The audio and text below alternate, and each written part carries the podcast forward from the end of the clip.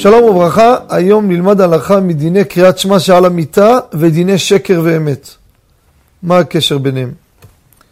כידוע בקריאת שמע שעל המיטה, כל אחד אומר, הריני מוחל וסולח לכל מי שיכעיס וכולי וכולי.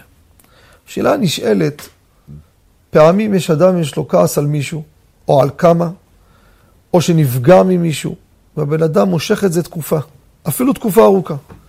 אז הוא אומר לעצמו, תראה, קשה לי לסלוח לו. מה אתה רוצה שאני אגיד? הרי אני מוחל וסולח, אני גם משקר. אני לא מוחל וסולח, לא רוצה למחול. אתה רוצה לכפות עליי, להגיד לי שאני אגיד בכל זאת? אבל אני באמת בלב עוד מלא על הבן אדם הזה. רבותיי, הלכה למעשה, פסוק אומר, דובר שקרים לא ייכון לנגד עיניי. לא ייתכן אדם בא לומר נוסח דבר והוא משקר.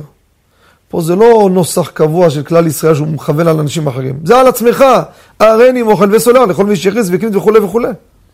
לכן הלכה למעשה מקרה כזה, לדלג על אמירת הריני מוכל וסולח. לדלג, לא לומר אותו.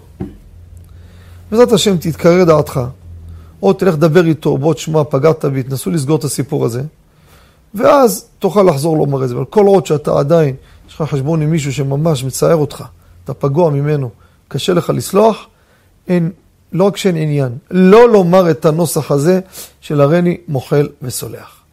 תודה רבה, בשורות טובות וכל טוב.